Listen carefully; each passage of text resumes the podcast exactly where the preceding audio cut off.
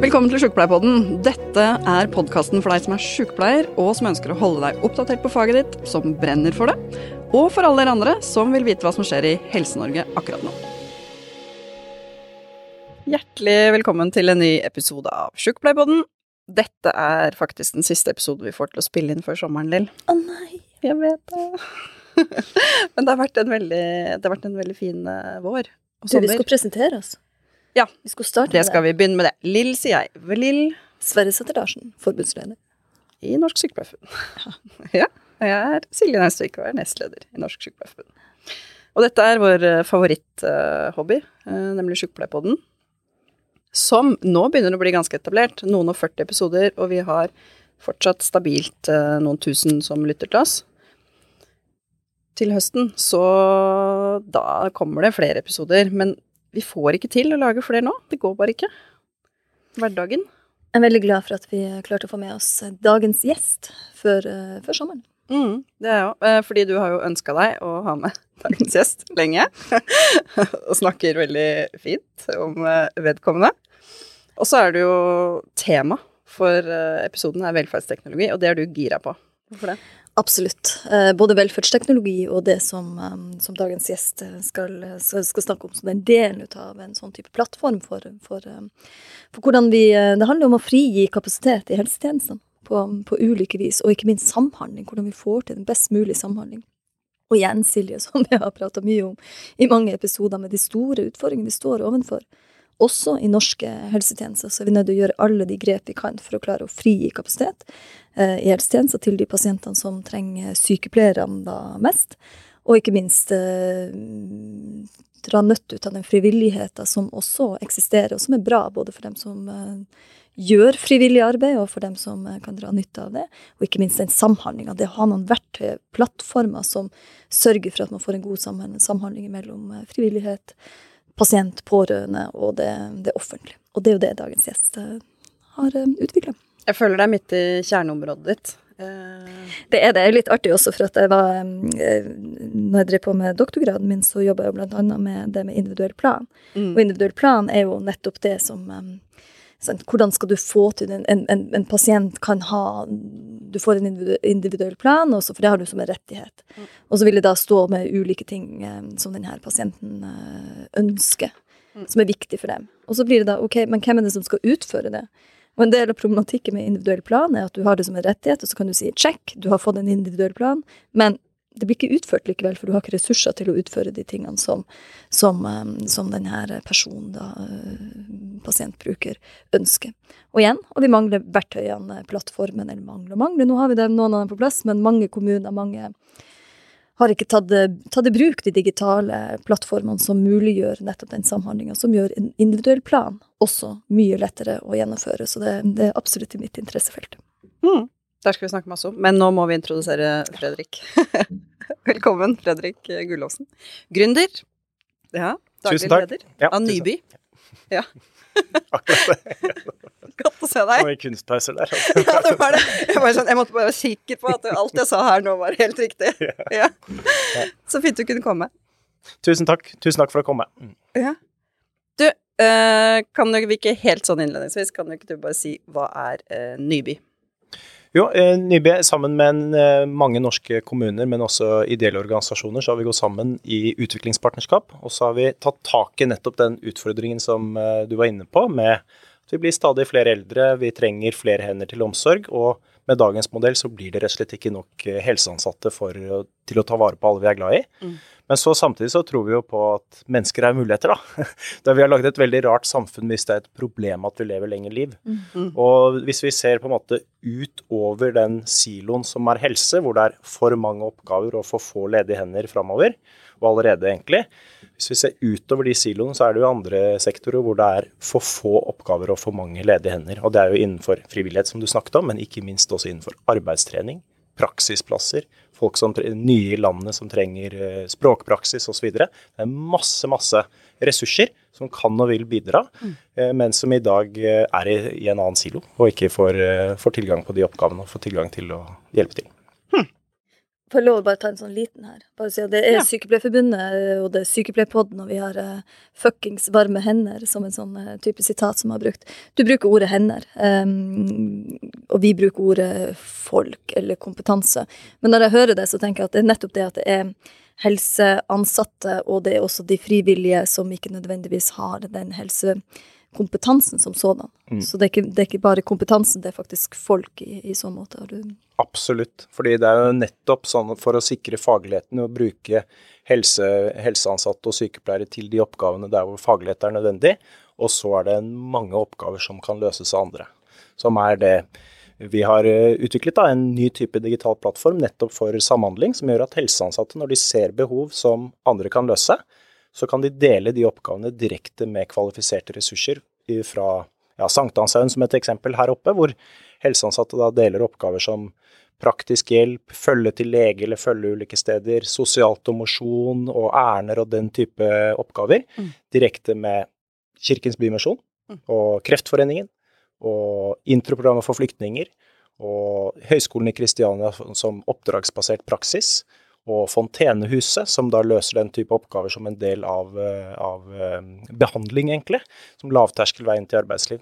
Som er helt sånn fantastisk, og det, og det dette blir, er at man går da fra på en måte silotankegangen, Mm. hvor man har Helseansatte har ofte opplevd samvittighetsklemme, tidspress og, og ser en masse behov hver dag som man gjerne skulle gjort noe med, men som man ikke har mulighet til fordi man er på stoppklokke. Så har man egentlig en hel av ledige ressurser, eller du har egentlig hele samfunnsnettverket i lomma, hvor du da kan dele oppgaver til folk som blir egentlig friskere og mer inkludert av å kunne løse dem. Du er egentlig en type matchmaker. Ja, egentlig, eller faktisk det som er veldig gøy, at det er jo kommunene som er den matchmakeren. Det er jo de som bygger samfunnsnettverkene, det er de som ser eh, helseavdelinger som ser da hvilke organisasjoner er det vi stoler på å ha tillit til, hvor er, hvordan er det vi kan bygge et samfunnsnettverk. Og så har vi da laget en plattform og en metodikk, ikke minst, for endringsledelse som gjør at dette blir mulig, da. Så vi driver ikke og effektiviserer liksom det som vi gjør i dag, vi gjør det enkelt nok til at det faktisk skjer. For man har jo snakket om dette i mange, mange år, at man må få til mer samarbeid på tvers. Jeg har studert statsvitenskap selv også, så det er en sånn snakket om i minst 30 år, samarbeide mer på tvers av siloer og sektorer. Men ofte så er det om hva da, og, og i tillegg bare gjøre det. For det er nettopp at så uh, vanskelig å samarbeide på tvers av, av organisasjoner, da.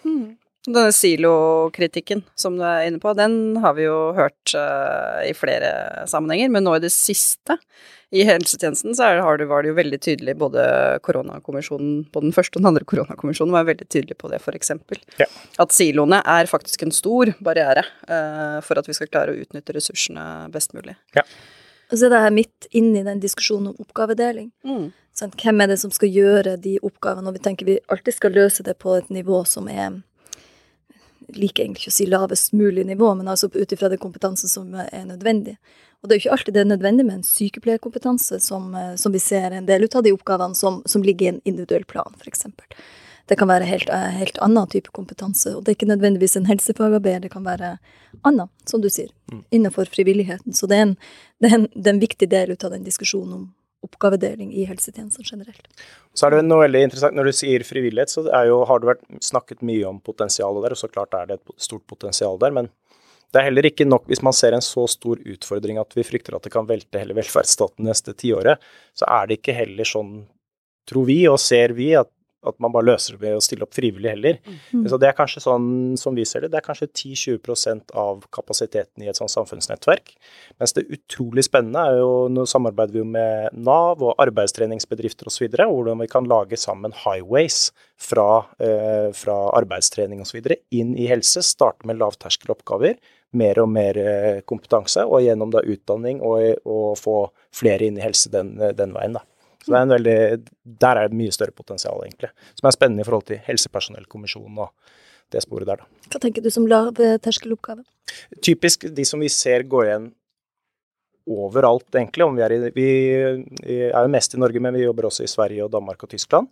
Og nå stiller vi pleier vi å stille to spørsmål til eh, de som jobber brukernært. Da sier vi Det ene spørsmålet er hvilke type oppgaver er det du bruker tid på i dag som andre kunne gjort? Mm. Og neste spørsmål, og det ser jeg jo dere har gjort også i sykepleien og den samme type spørsmål, samme jobber KS med osv. Så, videre. så det er det ene spørsmålet. Og det andre spørsmålet er hvilke type behov er det du gjerne skulle løst, som gir deg samvittighetsklemma osv., som du gjerne skulle løst i forhold til forebygging eller, eller tilsvarende. Og da nesten uansett så dukker det opp disse samme fire. Det er praktisk hjelp og følge til lege og sosialt og mosjon og Erner. Og det er bare basert på Og så spør vi ofte sånn Ja, hvor ofte skjer det? Ja, det er jo liksom daglig eller flere ganger i uka per helseansatt. Og det er jo over 60-70 millioner sånne type oppgaver som egentlig kunne vært delt fra omsorg til eh, resten av samfunnsnettverket, bare av den type oppgaver. Så det er en sånn typisk lavterskeloppgaver. Og så kan man jo øke mer og mer med, med kompetanse etter hvert som man får, får eh, kompetanse på det. Så er det også sånn som, jeg, sånn som jeg, husker, i alle fall, Fredrik, så er det, er det, også en sånn type Fordi det er en samhandlingsplattform, at det også kan være en Altså, det er over til pårørende. Uh, vi vet jo noen ting om at når helsepersonell har det travelt, så viser forskning at det første du nedprioriterer, er faktisk pårørendearbeid. Mm. Og pårørende som da opplever at du ikke helt vet hva slags hjelp som gis, uh, hva slags behov som eventuelt uh, gjenstår, osv. Så sånn at det er et samhandlingsverktøy også for at en pårørende kan vite ok, men det her får du ikke gjort gjennom helsetjenesten, det kan kanskje jeg bidra med, eller kanskje har jeg noen andre som kan bidra inn der. Eh, og også holde seg informert om, om, hva som skjer. Ja, og det er noe som veldig mange snakker om, men som ikke så mange kommuner har tatt i bruk egentlig mm. ennå. Men det er jo den pårørendeavlastning som er kjempeviktig i forhold til å kunne bo lenger hjemme og osv. Som er jo også hvor eh, pårørende kan da ha behov for avlastning, og legge ut eh, oppgaver de også, hvis de blir, får det på en måte mandat av kommunen da, til å trekke på ressurser i samfunnsnettverket. Hm. Men Uh, du så et problem. Eller det var ikke et problem, da. Jeg syns du sa det veldig fint. Det kan umulig være et problem at folk lever lenger. Mm. Men uh, det er en samfunnsoppgave som vi må løse i fellesskap, i hvert fall. Mm. Og så tenkte jeg sånn hm, De fleste av oss ville jo tenkt bare Ja, ok, nei, det er åpenbart at dette må noen fikse. Men du er tydeligvis av typen som tenker at da må jeg fikse det sjøl. Fordi jeg ser når jeg googler deg, da, Fredrik, at du blir omtalt som en seriegründer. Du er, du er glad i å løse sånne oppgaver. Hvordan hvordan ble du det? Ja, litt sånn, så klarer jeg ikke å la være, men så er det jo med alle tingene at jeg virkelig ikke gjør det alene. Det er jo sammen med fantastiske partnerskap med kommuner og et større team og alt sammen. Men det, jeg har jobbet med teknologistartups i mange år, egentlig. Eh, og vært med på masse spennende. Og så har jeg studert noe som nærmer seg også offentlig sektor. For jeg har studert statsvitenskap først på Blindern, hvor man lærer at alt er komplekst og vanskelig. så det, det, blir man ikke så glad i å løse problemer av. Eh, men også har jeg tatt en sånn master på BI etterpå, hvor man lærer at alt er enkelt. det høres ut som en sånn- veldig bra kombinasjon. Ja, jeg syns òg det. Men, men, og, men så eh, har jeg også i over ti år hatt en lillebror som ble sykere og sykere eh, gjennom mange år, og som ikke lever lenger nå. Og det fikk meg til å reflektere veldig mye rundt hvordan er det vi organiserer omsorg i samfunnet. Mm. Og det er jo det som er eh, veldig mye av inspirasjonen til Nyby, og som også gjorde at det bare sånn Det her det er noe jeg ikke kan la være å gjøre. Og sånn som vi snakket, på, snakket om på vei inn her, så er jo det å jobbe med offentlig sektor tar jo masse tid og krever jo masse tålmodighet og kapital og mye egentlig for å Fordi det er et stort lerret å bleke, men det er også så fantastisk Vi har en så fantastisk velferdsstat også. Så det å kunne bidra til at vi kan fornye velferdsstaten, er eh, helt utrolig inspirerende. Og det er jo det vi opplever med hele teamet også, og med nesten alle vi jobber med, at vi er i, veldig sånn i samme båt og jobber mot samme formål om å gjøre samfunnet faktisk bedre. Som er utrolig, det er utrolig kult. Hmm. Jeg husker det fra et eh, ganske tidlig foredrag eh, for mange, mange år siden. Og der du beskrev nettopp det med bror din som en sånn Altså, det som mange sykepleiere sikkert òg eh, har i seg, og bruker å beskrive, altså et ønske om å hjelpe. Så hvordan kan du hjelpe, ikke sant? Og så sa du noe om at i begynnelsen så så du hvordan dere som familie kunne hjelpe, men at det likevel ikke var nok. Hvordan kunne vennene hans ikke sant, bidra inn, og at det var grunnlaget for, mm. for, for, for Nyby, da. Mm. Og det er jo litt at vi var jo så Noen tenker jo at oi, hvis man har lyst til å på en måte skape en omsorgsrevolusjon etter å ha hatt en sånn opplevelse, så er det kanskje at vi var veldig misfornøyd med offentlige tjenestene eller sånn, men det er jo helt motsatt. Det er jo nettopp fordi vi fikk jo til det ved at vi er en stor familie. Han kunne bo hjemme hos foreldrene våre. Vi er fire brødre, han kunne bo hjemme hos foreldrene våre helt til siste slutt. Eh, og nettopp at vi fikk til så bra samarbeid med offentlige tjenester, eller kommunale tjenester, og egen familie og eget nettverk, og også med videre ordninger rundt som gjorde at det nettopp ble så bra, da. Mm. Og hos oss så lå jo forholdene veldig til rette for det, gjennom at vi hadde stort nettverk og, og så videre. Og da er Nyby mye mer et forsøk på at det som lå til rette for oss, som gjorde at det kunne bli så bra, det er det vi prøver å legge til rette for at flere skal kunne oppleve, da. Mm. Det er jo noe med at uh, det er et skille, ikke sant, også i det offentlige helsetjenesten, for de pasientene som har uh, det du beskriver med din bror, som har en stor familie og et stort nettverk, og uh, som har noen som kjemper, kjemper for deg, og som hjelper til. Og så er det jo de pasientene som ikke har det. Og jeg tenker, for de pasientene spesielt, så vil jo Nyby, da, eller noen som koordinerer arbeidet, som drar i de gode ressursene, være så utrolig viktig. Mm.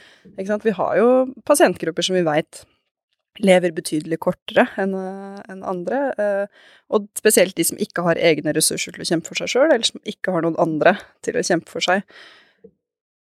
Vil det være nok at en, holdt på å si, at du bor i en kommune som har tatt i bruk dette verktøyet, så vil du kunne dra veksler på det, eller må du også ha noen type sånn egen egeninnsats for å det er nettopp pga. den egeninnsatsen, for hvis formålet er å hjelpe de mest uh, sårbare, mm. så er det sånn, selv om de kan bruke en app og så videre, så mm. Nyby er jo da en digital plattform basert av, av, apper som gjør at du kan dele oppgaver, legge ut behov, og kvalifiserte tar de. Men så er det jo sånn, hvis det skal nå ut til de mest sårbare, mm. så selv om de kan bruke appen og så videre, så er det så mange sosiale barrierer, man vet kanskje ikke egentlig hva man trenger osv. Så, videre. så det er derfor vår hovedkilde og klare anbefaling til eh, kommuner, det er at det er de helseansatte som jobber brukernært, mm. som står i disse og ser, har den samvittighetsklemma flere ganger om dagen. Det er de som har Nyby på sin tjenestetelefon, ser behovet, legger ut oppgaver basert på hva de ser hos pasienten, og som går da rett til eh, de som er eh, kvalifisert for oppgaven i samfunnsnettverket. Så Det er liksom hovedveien inn. Det er også noen som har vedtakskontor eller, eller osv. som også deler ut oppgaver, men de som jobber brukernært, og som står i det. Og Det er da også man direkte får frigjort helseansattes tid eh, der og da direkte. Mm. Er det her noe som um, avansert klinisk sykepleiere, du kjenner litt til det, ikke sant? Eh, den masterutdanning som vi har, eh, som har fått en spesialistgodkjenning. Og som vi får flere og flere av, som er ment at de skal være ute i kommunene og faktisk med en sånn type ledende og koordinerende rolle for, eh, for kronisk, altså de, skrøpe, de fire hovedgruppene egentlig, men, men, særlig dem kanskje med kroniske sykdommer. Kols, diabetes og skrøpelige eldre, ikke minst. Er det et verktøy de kunne ha brukt som i en sånn koordinerende rolle? Ser du for deg at det er noen noe pro, et kan mot uh, hvem er det som er den koordinerende rollen? Ja, det som er litt kult, er at uh, sånn som det er bygd opp, så trenger du ikke én koordinerende rolle. Altså man kan ha det, ofte så starter vi f.eks. med ergoterapeuter, som hvis vi skal starte med bare øh, fem til ti helseansatte i en kommune. Vi er veldig fan av å starte veldig lite før man skalerer det opp. og Da kan det være f.eks. ergoterapeuter eller kreftkoordinator eller tilsvarende. Men hovedbiten er bare at man står i en situasjon flere, ofte der hvor man ser at nå kan jeg dele oppgaver.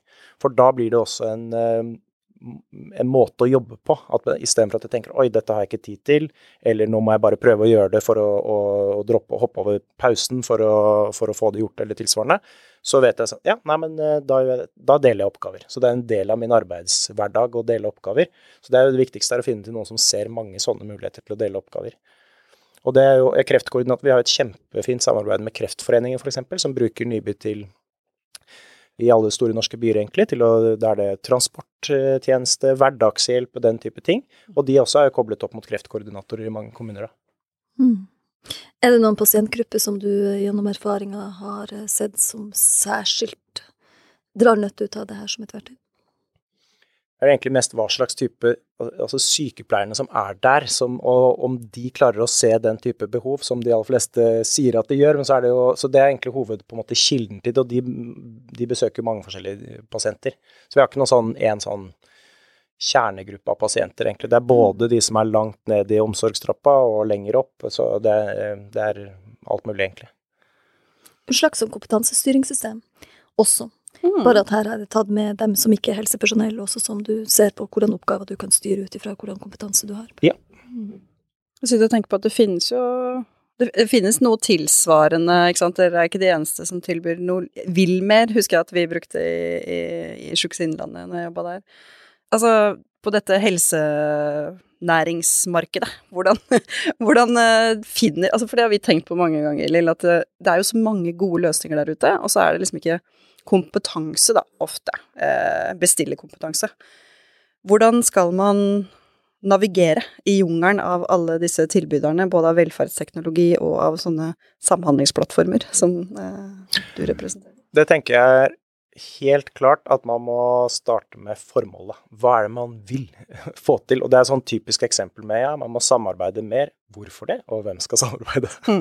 uh, og det er jo det første Alle våre beste partnerskap starter jo med at vi er, liksom, har boret litt ekstra i hva er det dere egentlig vil oppnå? Da? Er det primært å spare helseansattes tid, eller frigjøre helseansattes tid? Mm. Eller er det å skape bare mye bedre kommune og bedre tjenester? Eller har man veldig fokus på inkludering? F.eks. er det jo Melhus kommune, så er det folk fra psykisk helse og rus som eh, løser oppgaver, f.eks. Som en del av sin behandling og recovery. Mm. Ja, det er, jo, et kjempekult formål som skaper en kjempe-vinn-vinn-effekt. Og da er det sånn, ja, hvilke, da må vi liksom bore i det. Hva er det som er viktig, egentlig? Mm. Eh, og, og, når man da får satt et formål, ett eller flere, et sett av formål, så kan man begynne å se på ja, hva slags type digitale løsninger eller analoge løsninger eller endringsledelsesprosesser, eller hva er det man må gjøre for å komme dit, da. Mm. Og det er altfor ofte i at man starter med hvis man tenker at det skal være noe digitalt, og så starter man med funksjoner, f.eks. Mm. Eh, så det er liksom den ene fallgruven. Og en annen fallgruve er at hvis man tenker at det skal ha med da Hvis du nevnte Wilmer, som er, jeg tror er veldig bra tjeneste, jobber mot, mot sykehjem og sånt, så er det jo at det er fokus på sykehjem og frivillighet. Mm. Og da er det et annet formål enn om man vil inkludere også lavterskel vei inn til arbeidsliv gjennom Nav arbeidstrening og praksisplasser og frigjøre helseansattes tid med å dele oppgaver og sånn. Så det er forskjellige verktøy til forskjellige formål, da. Mm. Hm. Så det, det, ene er liksom at man ofte ikke setter formålet helt, og det andre er at man eh, velger ofte siloverktøy, eh, da, som er enten for helse eller for Nav eller for frivillighet eller tilsvarende, og da får man ikke det samarbeidet på tvers. Så det er jo en ting vi nesten alltid sier sånn Nei, vi er ikke, selv om vi sitter med helsesjef og så videre, vi, vi er ikke spesial for helse. Vi er spesial for å få til samarbeid på tvers, og da er det så viktig at vi lytter til hva er viktig for helse, og hva er viktig for Nav, og hva er viktig for de introprogrammet og arbeidstreningspraksisplassene og de frivillige organisasjonene. Og så er det ingen av de som får alt hva de ber om, for da hadde det blitt et system med altfor mange funksjoner. Eh, men da får man nok til at man kan samarbeide skikkelig bra, for det er det som er på en måte eh, jobben, da. Hm. Og så er det en annen sånn fallgruve som vi ser ofte, at man sier sånn nei, alt skal være integrert med alt. Og det er også noe som stopper særlig samhandlingsprosjekter, for da blir det så mye GDPR-utfordringer og fri flyt av data osv. som og så er det jo masse forskjellige fagsystemer som brukes i forskjellige kommuner, så det blir fort vekk et dyr. Og da pleier vi å ta opp liksom da er det jo De som hører på, ser jo ikke dette, men hvis man, tar opp og ser på telefonen sin Han tar opp telefonen. Ja, tar, og så ser på alle appene på førstesiden med liksom ruter og alt mulig, og så er det sånn Ville man hatt alltid en app? Nei, man vil ikke det. Mm. og, og da er det så lenge det liksom er enkelt å bruke. Det er liksom bestillingen, da. Hmm.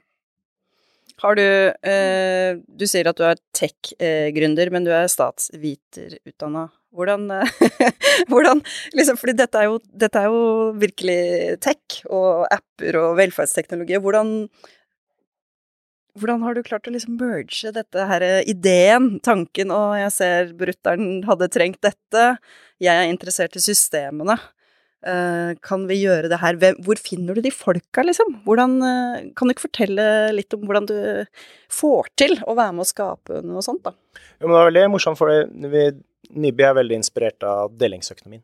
Nettopp. Og det er Vi har bygd noe helt annet enn på en måte Airbnb, for det er jo Airbnb er jo en markedsplass hvor alle kan Eller finn.no er liksom samme, og Nyby er veldig langt fra finn.no, for du hadde ikke hatt lyst til å så Sykepleiere hadde ikke lagt ut 'kan noen kjøre Magda til legen' på finn.no. Eh, så det er derfor det er jo en plattform for samarbeid mellom organisasjoner som kan stole på hverandre i et samfunnsnettverk.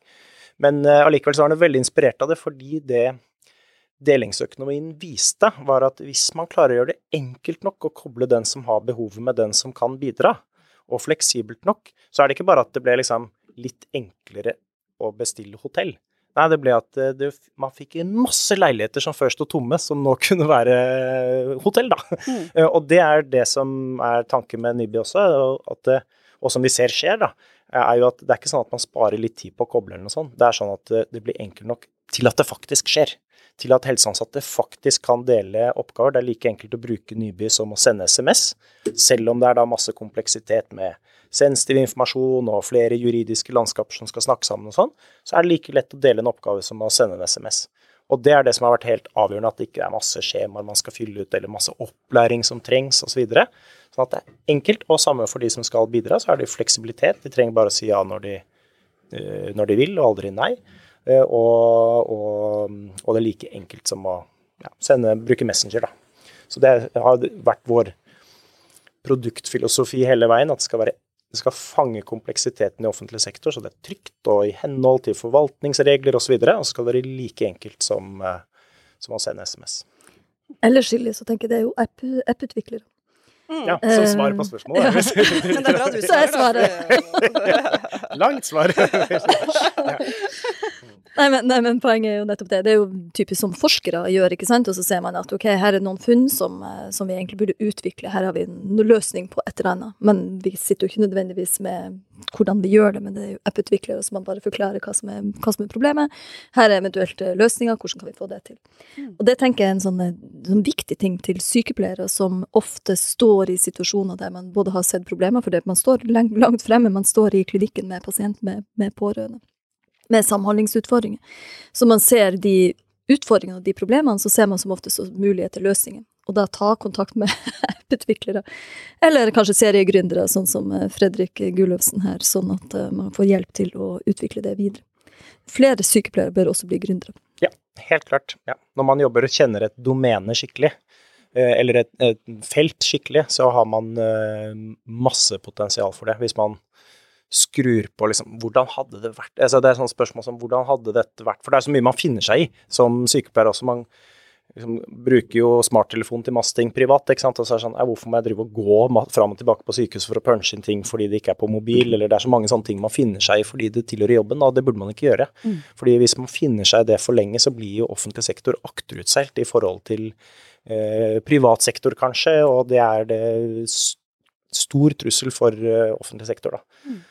Det er jo en, eh, en, kjempestor utfordring for helsetjenesten at uh, Altså, problemene er så åpenbare, ikke sant. Eh, det er fortsatt faksmaskiner på alle vaktrom, for eksempel.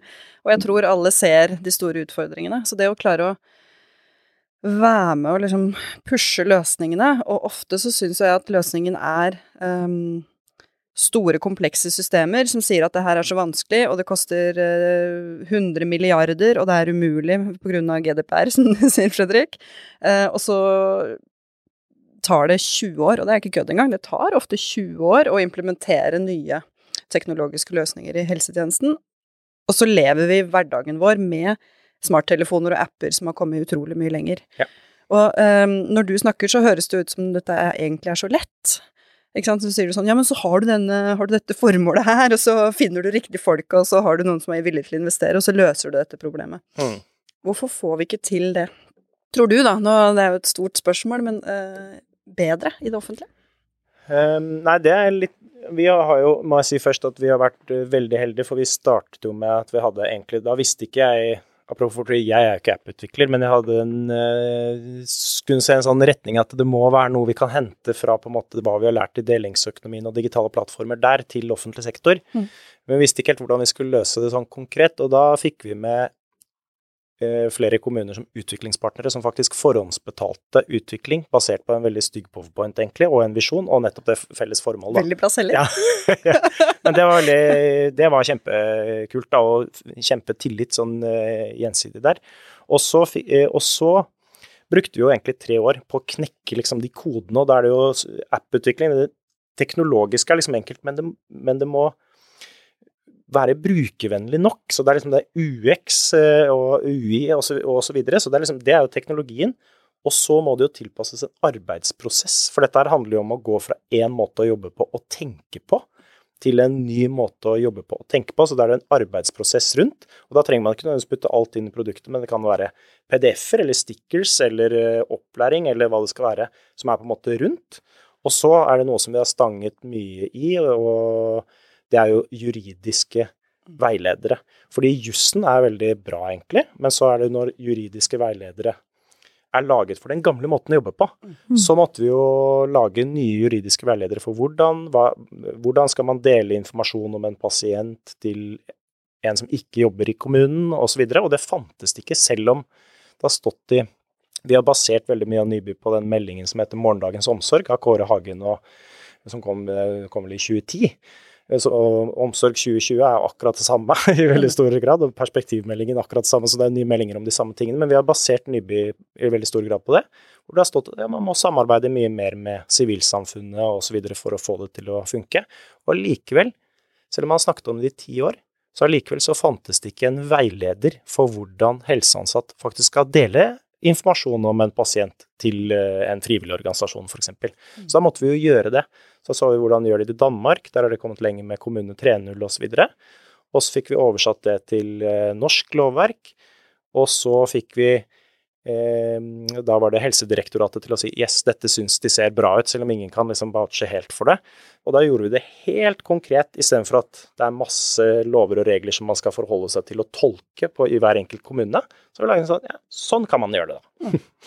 Uh, og samme gjør vi med ROS-analyser osv. Og også, at man lager én mal, og så kan de andre kommunene se om de er enig i resonnementet som f.eks. Helseetaten i Oslo har gjort.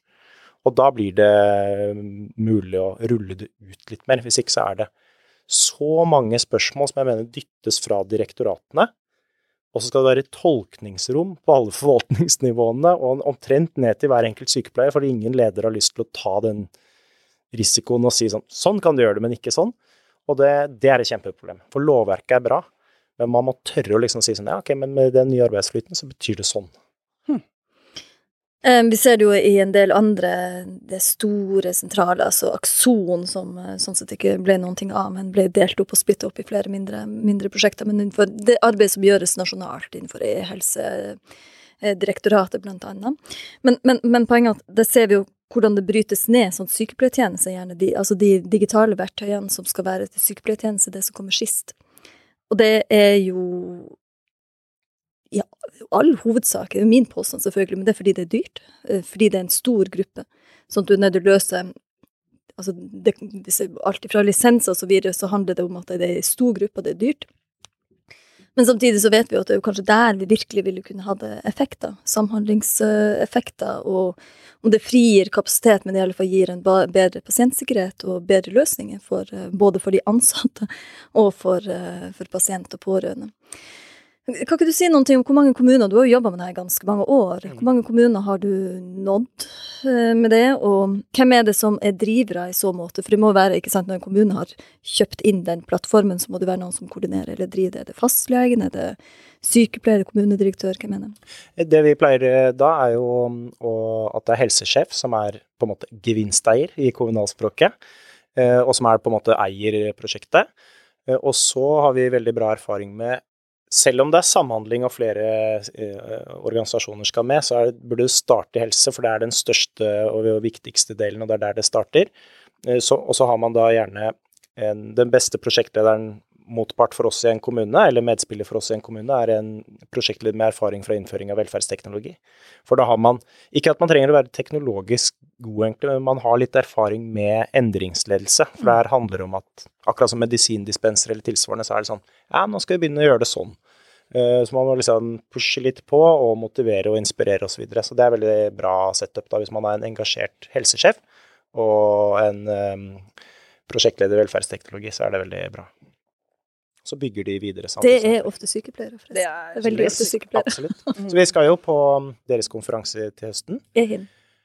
Ja, nei, også sykepleier... Vi har en sykepleier... nasjonal helsekonferanse, kanskje. på.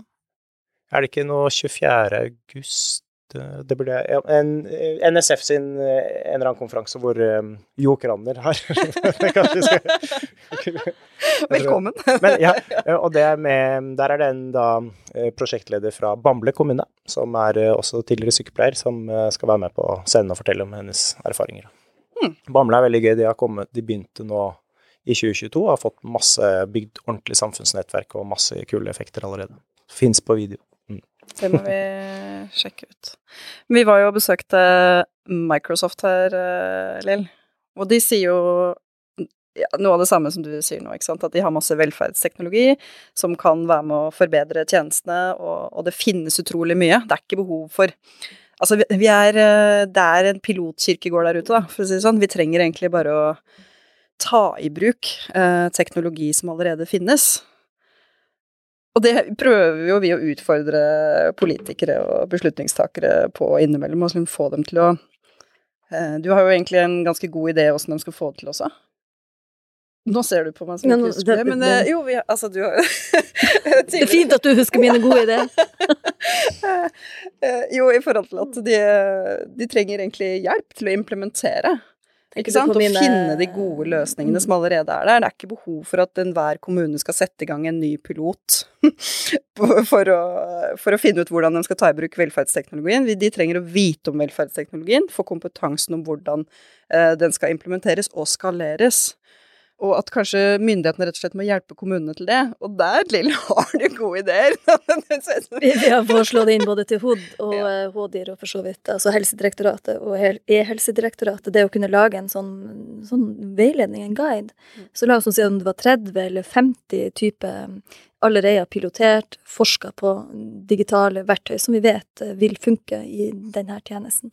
Og så kan, For de er veldig opptatt av kommunene sine autonomi. Mm. Sant? At du skal få lov altså råderett over pengene osv., og, så videre, og det er fint. Men, men, når de ikke har Og de beskriver jo det, vi har vært på reise rundt og snakka med både kommunaldirektører og, og ordførere og drøss med sykepleiere, men poenget de beskriver jo det at de mangler den egentlig kompetansen både på å bestille, på å vite, klare å skille dem ifra hverandre, det å måtte sette seg inn i forskning sjøl for å vurdere hva eventuelt er effekten ut av det her, og ikke minst også implementeringskompetanse. Så vi, vi, mener jo at vi trenger å utvikle en sånn type guide, 30-50 kan det en måte være, og eventuelt en implementeringspakke som kommunene kan benytte seg av. Det er helt ekstremt enig, og jeg tenker man må på en måte i Norge så er det veldig fokus på innovasjon og pilotering, og det er gøy for kommuner. Og det er nesten sånn at man skal være innovativ i seg selv. Yep. Som jeg tror egentlig bare er en sånn Hvorfor skal 350 kommuner være innovative? Mm. Altså, egentlig. Så hvis det kommer opp en god idé, topp. Det er liksom Løft den opp og gi folk spillerom, om det er en sykepleier eller en byråkrat eller hva som kommer med den. Men eh, hver kommune trenger ikke å finne opp ting på nytt. Stjele med stil og så gå fra, så mener jeg jo bare sånn symbolsk, man kan gå fra innovasjonspriser til skaleringspriser. Mm, Hvem er det som på en måte har klart å skalere ting fort, og klare å stjele en idé fra nabokommunen, få det til å skje? For det er jo Innovasjon er liksom at det er nytt, mm. og så at det er nyttig, og så at det er nyttiggjort. Og det er da det blir en bra tjeneste, det er da det kommer ut til befolkningen når det virkelig skaleres. Så det er en sånn Det er superviktig. Så vi inngår ikke vi, vi, kaller det ikke piloter engang, eh, selv om vi er helt i begynnelsen med en kommune. Mm. Fordi det er også litt sånn Hvis man kaller det en pilot, så vil de som er litt mer, eh, mindre interessert i endring, de vil bare sitte litt stille og vente til det går over. Og da går det faktisk over! så, så, det liksom, så, dersom man sier sånn Nå skal vi begynne å jobbe på denne her nye måten. Og hvis det ikke fungerer, så kan man bare slutte med det, selvfølgelig. Men det er da man tester det, da. Når man sier at nå skal vi gjøre det sånn. Hm. er veldig lurer på, hvordan, på hvilket, liksom, hva vi skal gjøre for at uh, vi skal komme videre i liksom, skaleringsmodus. Jeg tror det, ja. Der har du en replikk. Ja. Nei, for det. det er jo en, en ting er jo å motivere til det med gjennom priser og endre mindset og så videre, mm. men det bør også kanskje bare gjøre vondt å jobbe dumt. På hvilken måte? Snakker du om straff og pisk? Nei, men altså hvis man uh, hvis man er en, eh, en, altså, Det er akkurat som du snakket om hvis det er noe som er forsket på. Det er på en måte bare bedre, flere kommuner har tatt i bruk, man ser implementeringsopplegget og skaleringsopplegget fungerer osv. Og så er det da en kommune som sitter at nei, vi bare vil gjøre det akkurat sånn som man gjorde før. Så er det sånn, ja, da bør du ha en utrolig sånn Da bør du virkelig kunne forklare hvorfor du skal jobbe på samme måte som i 1980, da. Egentlig. Det bør du på en måte Det burde ikke være så enkelt, da. Sykepleiere er veldig positive til velferdsteknologi, da, og nye måter å jobbe på. Det, så egentlig så tror jeg ikke det handler heller om helsepersonellet. Jeg tror det like mye handler om lederne, liksom, som ikke får seg til å sette i gang med noe nytt. Fordi hverdagen tar dem, eller jeg vet ikke, men et eller annet. Fredrik tegna akkurat et hjerte i notatet. Ja, det gjør det jeg det, som er at det er jo også mye sånn at man snakker om teknologi for teknologiens skyld og sånn, og da kan man også skjønne, og i hvert fall når det er mange piloter man skal teste ut også, at man blir litt sånn trøtt på teknologi, da. Eh, og, eh, og, det kan skje mange steder, men det er bare det vi i hvert fall opplever, at eh, hvis man virkelig har hjerte for brukeren sin, Eh, og hjerte for å gjøre en best mulig jobb, da, så vil man også ta i bruk de verktøyene som er best for å få gjort den jobben. Om det er en ny prosess, eller om det er å stille spørsmålet hva er viktig for deg, eller om det er å sette seg ned og ta en kopp te hvis man har mulighet til det, eller om det er å dele oppgaver med resten av samfunnsnettverket, eller hva. Hva er det som på en måte er de verktøyene du trenger for å gjøre en god jobb? Så kan man tenke mye mer sånn da er ikke liksom teknologi for teknologiens skyld, men det er for å gjøre jobben og fordi man er glad i de man Eller har hjerte for de man jobber med, da. Mm. Hvordan evalueringer har dere gjort um, på det? Grunnen til at jeg kom til å tenke på det, er nettopp det her med um, Når du gir omsorg, sykepleiere, men ikke bare sykepleiere, når du gir omsorg, så er jo det også en god følelse når du får til å gjøre jobben din, når du får til å gi den pleien, den omsorgen som du ser trengs, så gir det noen ting tilbake. Mens derimot så kan du risikere altså fysiologiske altså Både kortisoløkning, adrenalinøkning, ikke sant? sånn som kan føre til mange sykdommer for hjelperen også, mm. hvis du ser behovene, men ikke er i stand til å gjennomføre dem pga. ressurser, eller hva det enn måtte være. Har dere noen evalueringer på hvordan aktørene i det her, da, både som det er en ting med pasient, men både pårørende, frivillige, eh, organisasjoner og helsepersonell eh, opplever det.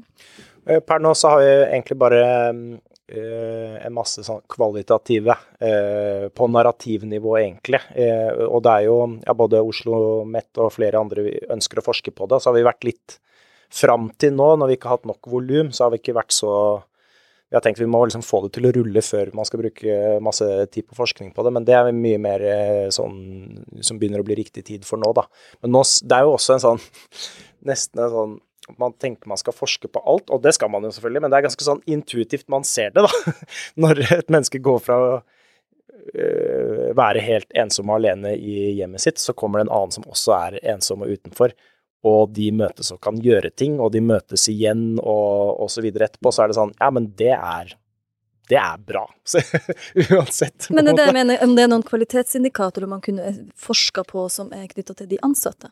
Ja. Eh, nettopp for å redusere den belastninga som de ansatte står i. Eksempel. en av hovedgrunnene til at sykepleiere slutter i yrket, er fordi belastninga er for høy og lønna er for lav, men mm. belastninga er for høy. Mm. Så hvordan kan du redusere belastninga? For når du har en høy belastning, så er det ofte det her med krav, kontroll, ikke sant. Du har ikke kontroll over de kravene som er, og du ser en hel del oppgaver som du burde ha gjort, og du vet det er viktig for pasient, for pårørende, men du får ikke tid. Mm. Og det fører til sykefravær, det fører til helt fysiologisk, også, du kan risikere, det fins forskning på det over ti år som viser at du kan risikere kreft og hjertelidelse.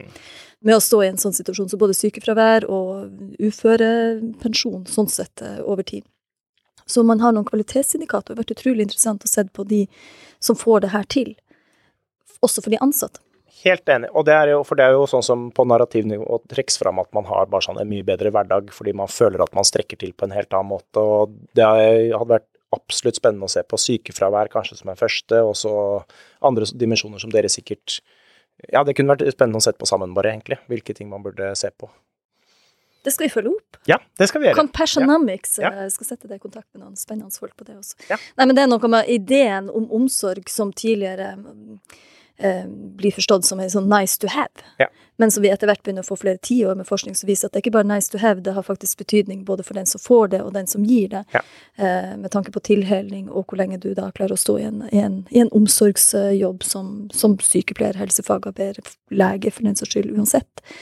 Sånn at eh, Jeg tenkte på, Når du snakket nå, så tenkte jeg på en sånn kjempefint samarbeid vi har med Diakoniet med sykehus, blant annet, som er eh, snakket om disse fire kjerneoppgavene som eh, er mye hjemmetjeneste med eh, praktisk hjelp og følge til lege og sosialt og mosjon og ærender. Mm. Men eh, med sykehus bruker jo Nybygg til flere av de tingene, altså transport og sånt, men også til våketjeneste ved livets slutt, da. Hvor, som er en sånn superbelastning selvfølgelig. Pårørende kanskje ikke kan komme, det er Mm. kanskje siste natten igjen, og, det, og så videre. Så da bruker de helseansatte der Nybygg til å legge ut oppgaver, så, eller ønske da, om at noen kan komme og sitte med pasienten. Og, de har da hatt samtaler på forhånd med diakon og så videre, så det er trygge personer eh, som kommer og kan eh, være der. Og det er en, ikke minst en kjempeavlastning for de helseansatte der da, på nattevakt. Mm. Skulle Vigdis uh, etter, hun som Mm. har skrevet den boka om eh, 'Jeg skal hjelpe deg', eller noe sånt. Hun beskriver det i den boka si som noe med det aller, aller mest belastende når det var en pasient eh, som hun hadde på sykehjem, som døde alene. Ja. Og når du går imellom og rakk ikke tilbake til pasienten Mm. og døde alene. Sånn, så det er utrolig eh, viktig. Selvfølgelig skal det være noen med en, med en sykepleierkompetanse som følger opp, med det å sitte likevel og ha den kontinuiteten fra, fra noen som eventuelt ikke har pårørende. Og det, ja, det er et kjempe Der er det jo Røde Kors har jo også våketjeneste som de tilbyr rundt omkring i landet. Og jeg tenker at det Vi går jo litt grann inn i diskusjonen om hva må eh, sykepleieren gjøre, ikke sant. Fordi det, det her vil nok være en del av våre medlemmer som mener at det kan ikke en frivillig eh, gjøre. Det, vi skal ha ressurser og tid til å sitte hos døende pasienter, at det er en viktig verdi, nærmest. og så er jo virkeligheten ofte ikke helt sånn, Mm. at du får tid til det. Så da er det jo noe med de der, alle de, nå den millionen pensjonister vi har fått, da. Mm. Jeg har to, eh, jeg har flere fantastiske tanter da, men jeg har to eh, tanter som eh, er pensjonister nå, som er gamle hjelpepleiere.